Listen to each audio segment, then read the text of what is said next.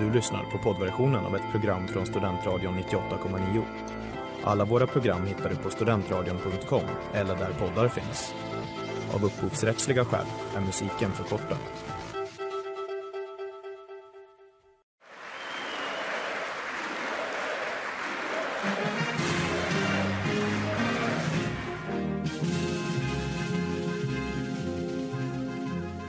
Sweden is one of our oldest closest partners. sa det, det är ett viktigt land för Sverige. When I talk about democratic socialism, America will never be a socialist country. I'm looking at countries like Denmark and Sweden. We don't want to be Sweden.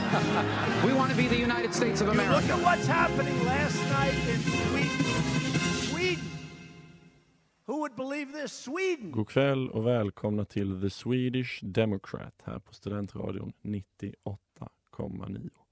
Förra veckan så spelade jag upp första halvan av min intervju med Frida Stranne, doktor i freds och utvecklingsforskning vid Högskolan i Halmstad och anlitad UXA-expert bland annat av Expressen. Annars bloggar och poddar hon för Amerikanalys tillsammans med min tidigare gäst Dag Blank. Förra veckan pratade vi om det amerikanska frihetsidealet. Den här veckan pratar vi om den amerikanska drömmen. Det finns inte mycket mer att orda om. Nu kör vi.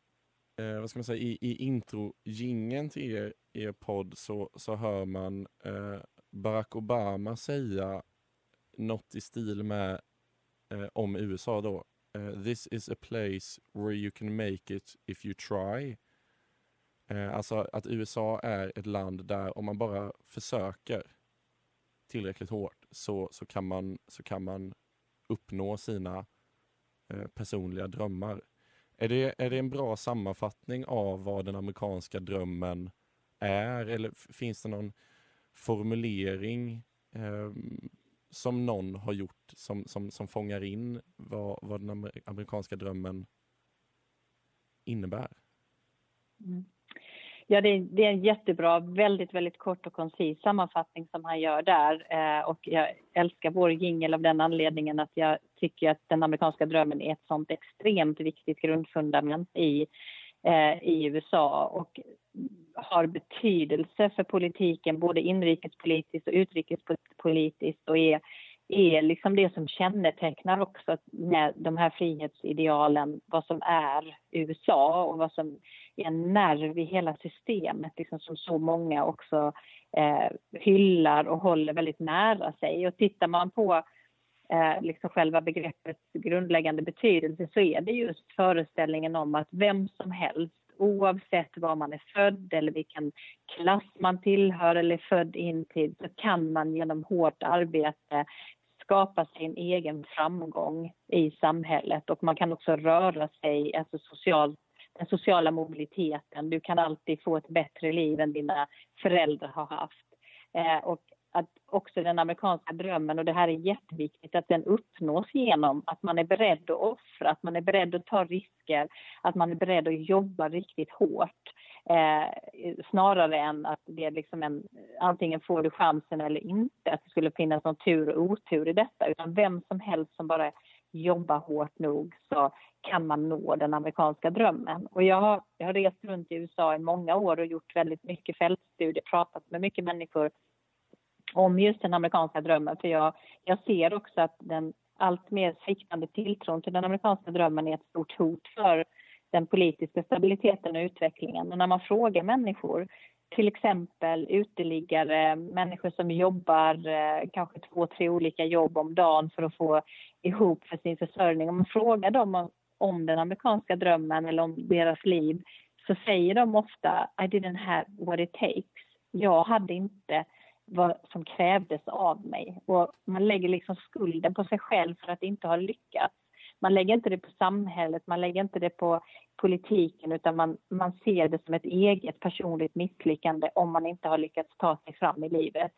På ett helt annat, ett helt annat förhållningssätt än vi i Europa som har byggt välfärdsmodeller där vi ändå uppfattar att samhället har ett ansvar och där vi ser mer till ojämlika strukturer som förklarar att vissa människor har svårare att lyckas än andra. Eh, och den idén har, har liksom inte funnits i USA och den, den är den grundläggande skillnaden mellan våra sätt att se på samhället den måste man förstå om man ska förstå liksom USA.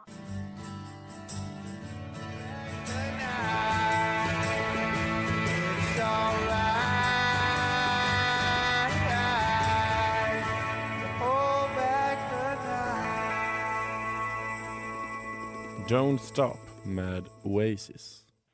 Jag tycker det är spännande de här människorna du har träffat som då hamnar på, på samhällets botten, eller vad man ska säga. Eh, framförallt eh, som hemlös, då, då har man ju liksom förlorat allt.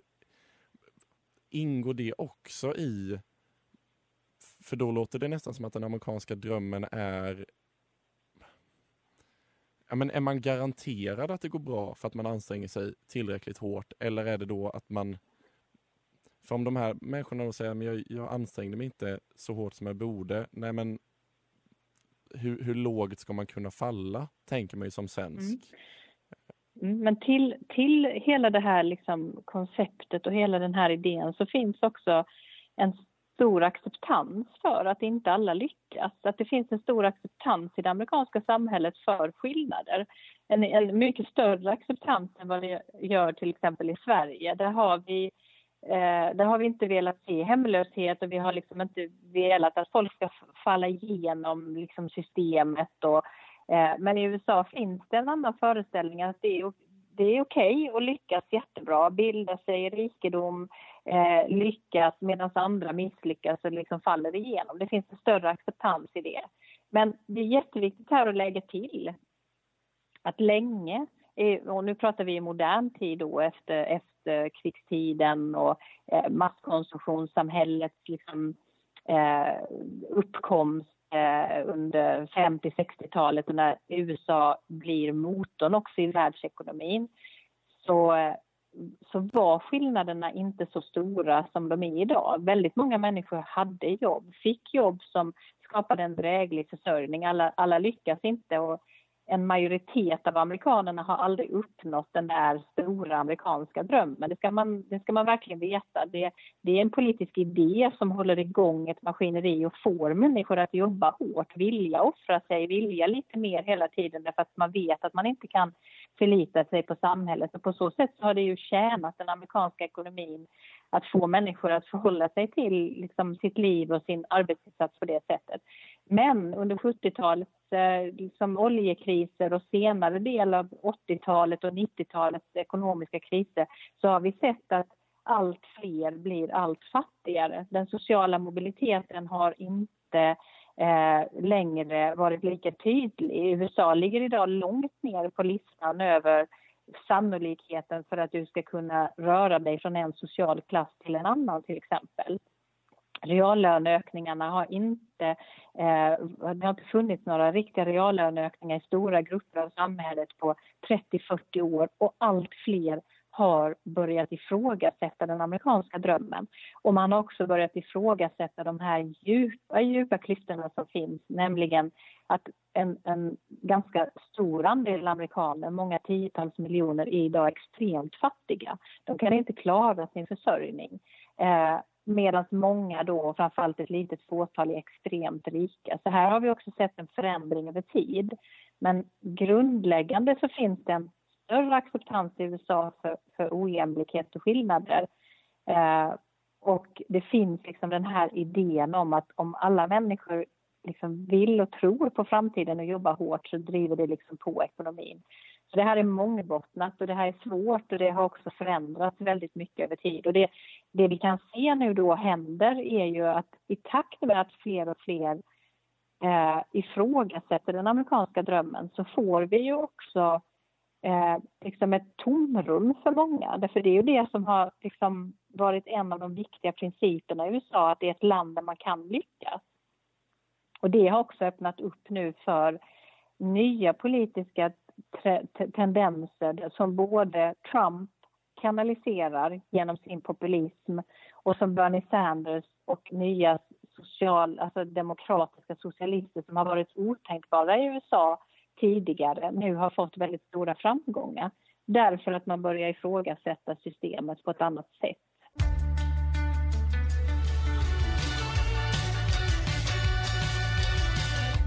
Ringside med Tel Aviv.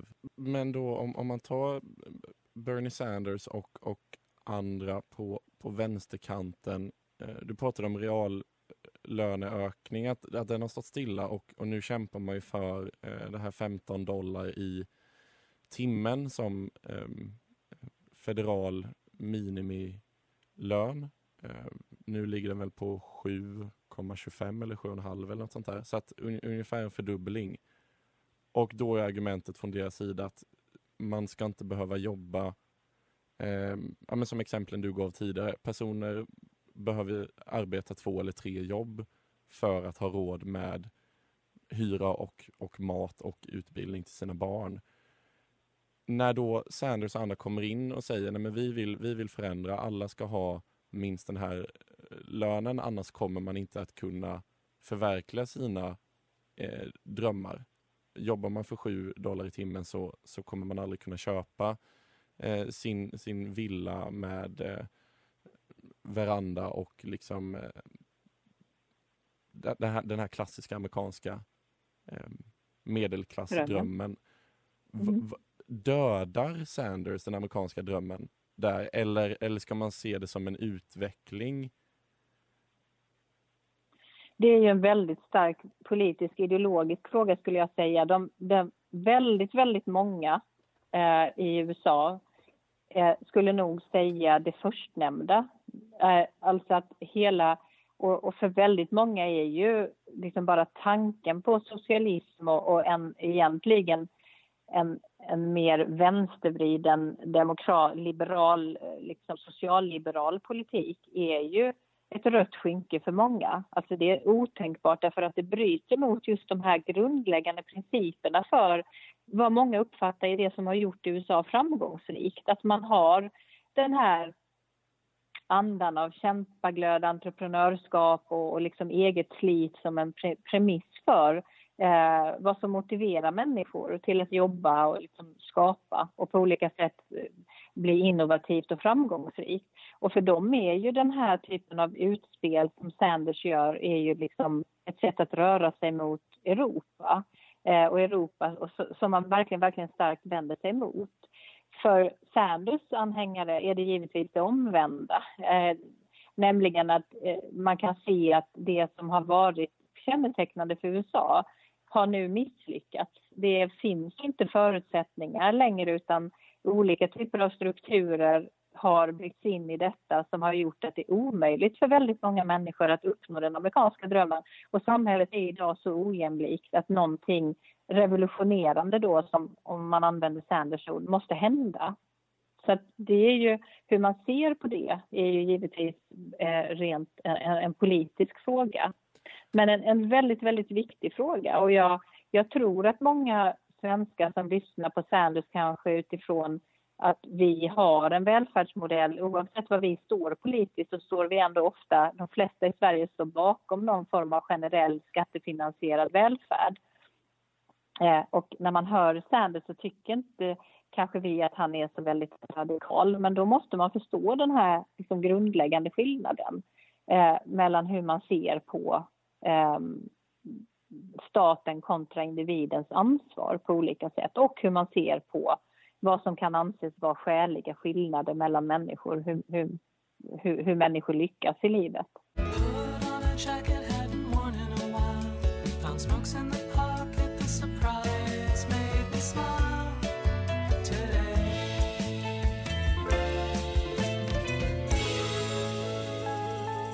Thinking about us med Healing Potpourri. Och du lyssnar på The Swedish Democrat programmet om det amerikanska valet här på Studentradion 98,9. Politiska motståndare kommer alltid säga att den andra sidan inte eh, strävar efter samma ideal som, som en själv. Men är liksom den amerikanska drömmen, är den både republikansk och demokratisk, både liberal och socialistisk utifrån vad ska man säga, de egna lägena? Tycker Demokraterna att de företräder den amerikanska drömmen, även om republikanerna inte tycker det och vice versa. Mm. Alltså själva idén om den amerikanska drömmen. Jag tror vi ska hålla socialisterna åt sidan här därför de har inte haft något stort inflytande, inget inflytande alls i princip under den amerikanska liksom, historien. Så det, det, först, det, det har funnits eh, socialism, liksom politiska element och det liksom har funnits givetvis eh, arbetarrörelse på olika sätt men de har ofta slagits ner och de har inte vunnit speciellt mycket eh, genomslag mer än lokalt på sina håll. Så att de två stora partierna i amerikansk politik har ju varit demokrater, alltså liberala eh, demokrater då och republikaner som är mer konservativa. Och de här partierna sväljer ju väldigt breda massor. Det finns ju en stor skillnad mellan mittenrepublikaner och eh, väldigt konservativa republikaner, libertarianer eller kristet konservativa. Skillnaderna är ju stora i partiet, men vi måste ändå prata om, om de två bärande partierna. Eh, och då är ju de, står ju de bakom de här politiska idéerna, frihetsidealet och den amerikanska drömmen eh, på olika sätt båda två. De har ju lite givetvis olika sätt att förhålla sig till i vilken utsträckning staten ska gå in och, och, och stötta för att möjliggöra människor eh, från att förverkliga sin, sin, liksom den amerikanska drömmen. Och tittar vi på The New Deal till exempel och andra saker som eh, under efterkrigstiden och efter depressionen i USA på 30-talet så blev det ju mer accepterat med att det finns eh, socialpolitiska program som så att man är ju inte helt utan socialförsäkringssystem på något sätt men det, det är ju väldigt begränsat om man jämför med, med vårt sätt att se på det. Men efter, som jag sa inledningsvis här också eftersom inte USA bygger på någon etnisk tillhörighet eller, eller en specifik kultur utan på att människor har samlats kring en politisk vision eh, som är bland annat då, förutom den amerikanska konstitutionen, maktdelningsprincipen och frihetsidealen, så är det också den här stora starka känslan av den amerikanska drömmen som man omfamnar politiskt på lite olika sätt men ändå eh, över, över hela ledden så att säga.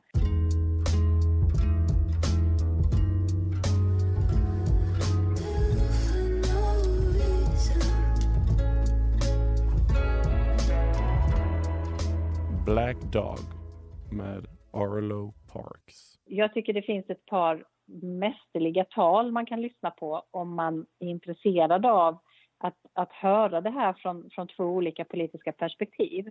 Och det ena är Barack Obamas State of the Union från 2011 där han de sista fem minuterna ungefär eh, liksom verkligen med en fas hyllar den amerikanska drömmen och the manifest destiny, så att, att USAs öde är att liksom bära på vissa eh, ideal och principer. Och jag, det är bland annat det, det som du hör i vår vignett till vår podd kommer därifrån. Och sen har vi en republikan som är också är delvis känd för många svenskar, tror jag, Marco Rubio, som ställde upp i, eh, kandiderade som presidentkandidat för Republikanerna eh, 2016 men som förlorade då ju, eh, en, han är senator från eh, Florida. Och på Republikanernas konvent, partikonvent 2012, så skulle han introducera eh, Mitt Romney eh, som presidentkandidat för partiet. Och då höll han ett tal som också är en väldigt stark och väldigt skickligt formulerad hyllning till den amerikanska drömmen. Och det, ty det tycker jag man kan lyssna på om man är intresserad av de här frågorna och hur det hur det låter liksom. My grandfather was born to a farming family in rural Cuba. Childhood polio left him permanently disabled. Because he couldn't work the farm, his family sent him to school. He was the only one in his family that knew how to read. He was a huge influence on me growing up. As a boy, I used to sit on the porch of our house and listen to his stories about history and politics and baseball as he would puff on one of his three daily Padron cigars. Now, I, I don't remember. It's been three decades since we last sat on that porch. And I don't remember all the things he talked to me about. But the one thing I remember is the one thing he wanted me never to forget that the dreams he had when he was young became impossible to achieve.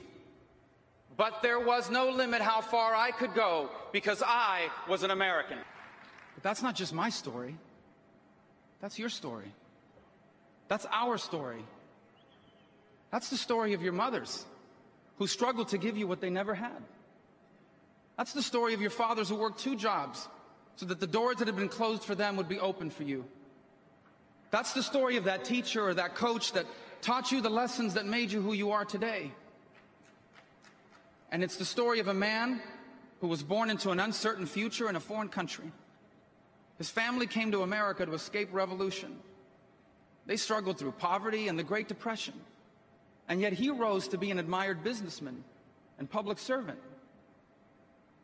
And in November, his son Mitt Romney will be elected president of these United States. We may have differences in policy, but we all believe in the rights enshrined in our Constitution.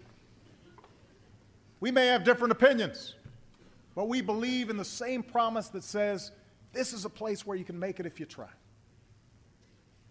We may have different backgrounds, but we believe in the same dream that says this is a country where anything is possible, no matter who you are, no matter where you come from. That dream is why I can stand here before you tonight.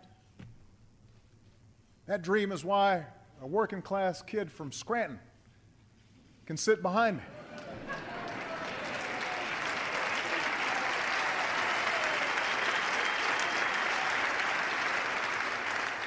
That dream is why someone who began by sweeping the floors of his father's Cincinnati bar can preside as Speaker of the House in the greatest nation on earth. We do big things. From the earliest days of our founding, America has been the story of ordinary people who dare to dream. That's how we win the future. We're a nation that says, I might not have a lot of money, but I have this great idea for a new company. I might not come from a family of college graduates, but I will be the first to get my degree. I might not know those people in trouble, but I think I can help them, and I need to try. I'm not sure how we'll reach that better place beyond the horizon, but I know we'll get there. I know we will. We do big things. The idea of America endures. Our destiny remains our choice.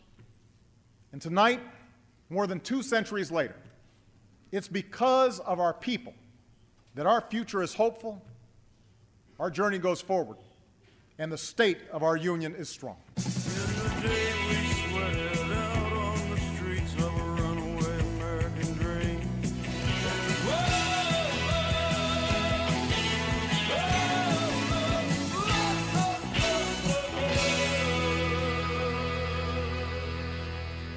Tycker är så mästerligt med ett intro är att direkt efter det här Obama-citatet så, så spelar ni upp eh, Born to Run med Bruce Springsteen.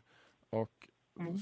den amerikanska drömmen, den, den är också, den är inte bara politisk utan den är också, som du också varit inne på, kulturell och ett, Mm. ett genomgående tema i film, musik och så vidare.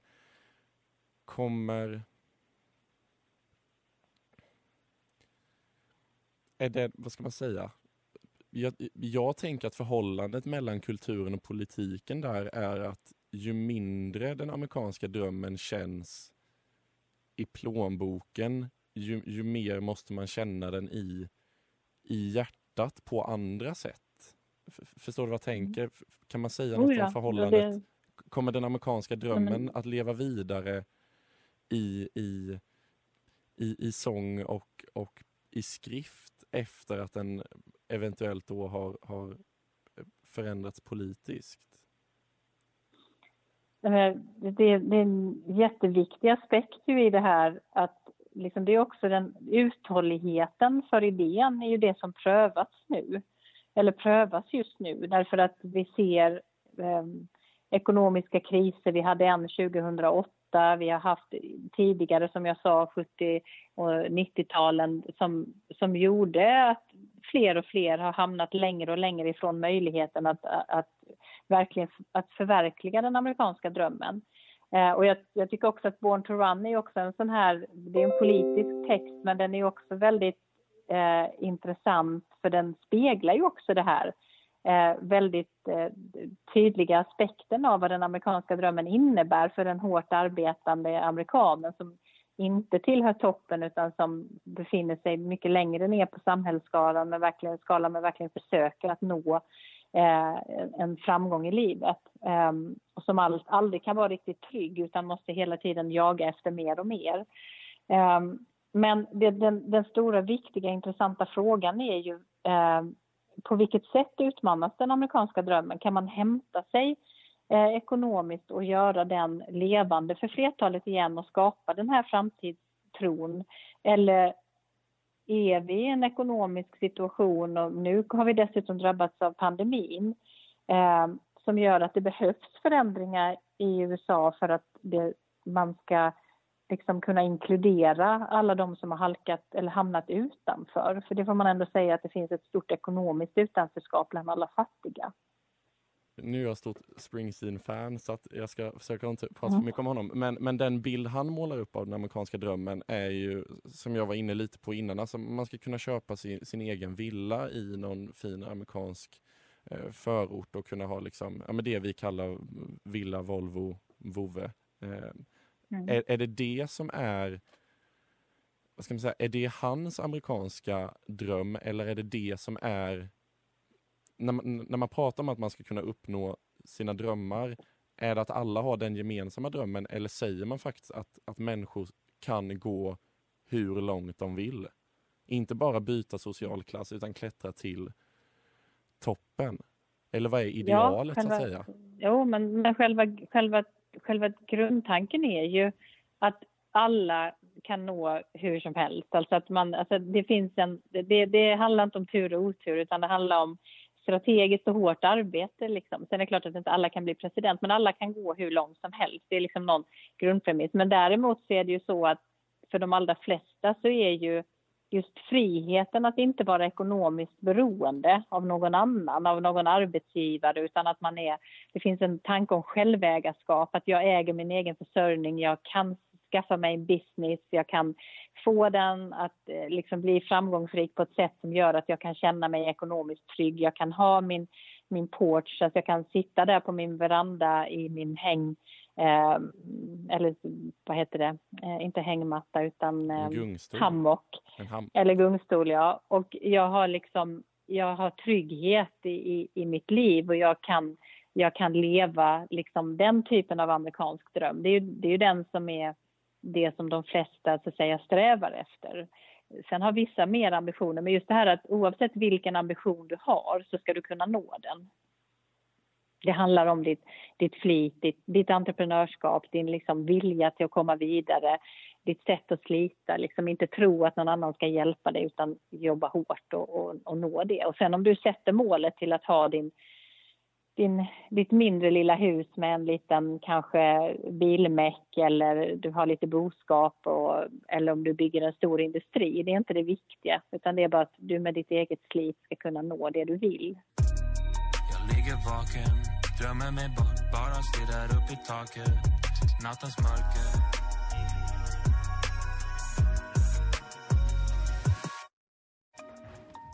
Vaken av Stemmingway kommer den amerikanska, det amerikanska frihetsidealet och den amerikanska drömmen.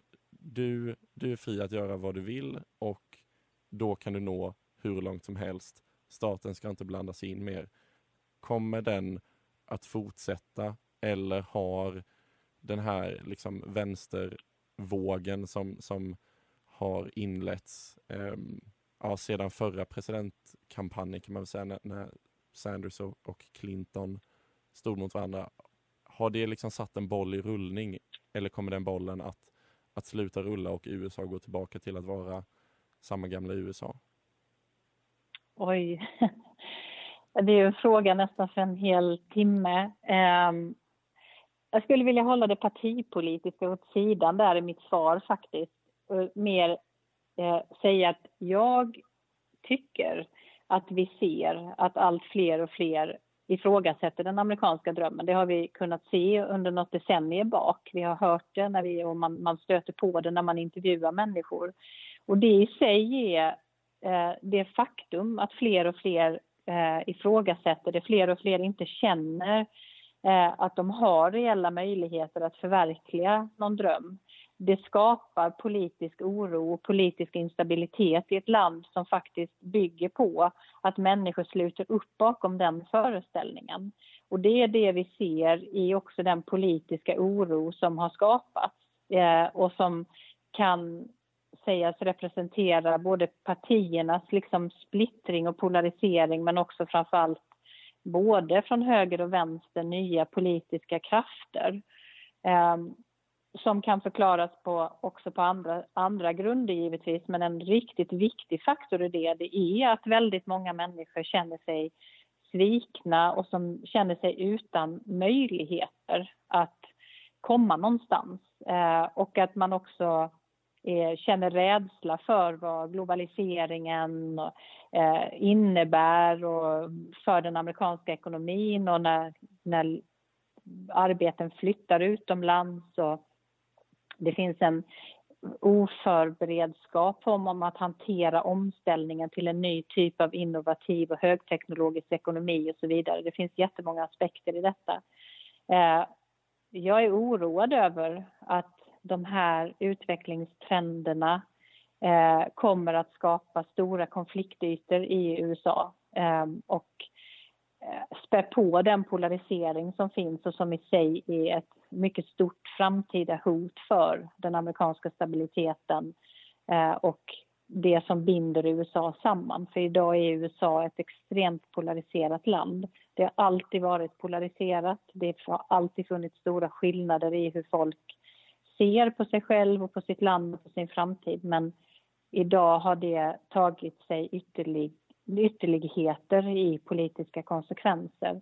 Eh, och det är en, en diger uppgift som USA har att komma samman igen som land, som nation kring de politiska idéerna och framför allt få en ekonomisk situation som gör att människor känner sig inkluderade.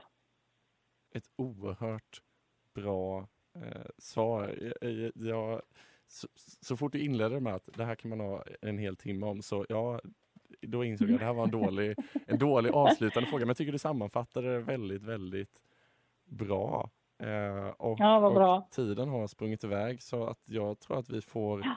avrunda där och så får jag tacka dig Frida för att du var med och, och upplyste oss om de amerikanska eh, idealen. Tack så hemskt mycket. Tack för att jag fick vara med. Och jag har nog inte så mycket mer att tillägga. Frida är ute med en ny bok till hösten som hon har skrivit tillsammans med Sanna Thorén Björling, journalist på DN. Frida får berätta själv vad boken handlar om. Den heter Supermakten, vad varje svensk bör veta om USA och den beskriver liksom allt från sportens betydelse till och matvanor till politik liksom. Så um, den är en sån här USA för dummies kanske lite, men den blandar eh, den blandar personliga betraktelser och kunskap, alltså forskning med, med lite sån här fun facts och så. Mm. Så den är lite annorlunda. Det är ju ingen akademisk bok utan den är ju till för en bred publik. Jag vet inte vad ni tycker, men i min bok så låter det som en toppenbok. Jag rekommenderar den varmt. Och jag vill återigen tacka Frida för att hon ställde upp på den här intervjun och att vi fick material till två hela avsnitt. Fantastiskt. Ja, jag kan inte säga mer. Ni har lyssnat på The Swedish Democrat. Två avsnitt i rad har jag intervjuat Frida Stranne. God kväll. Du har lyssnat på poddversion av ett program från Studentradion 98,9. Alla våra program hittar du på studentradion.com eller där poddar finns.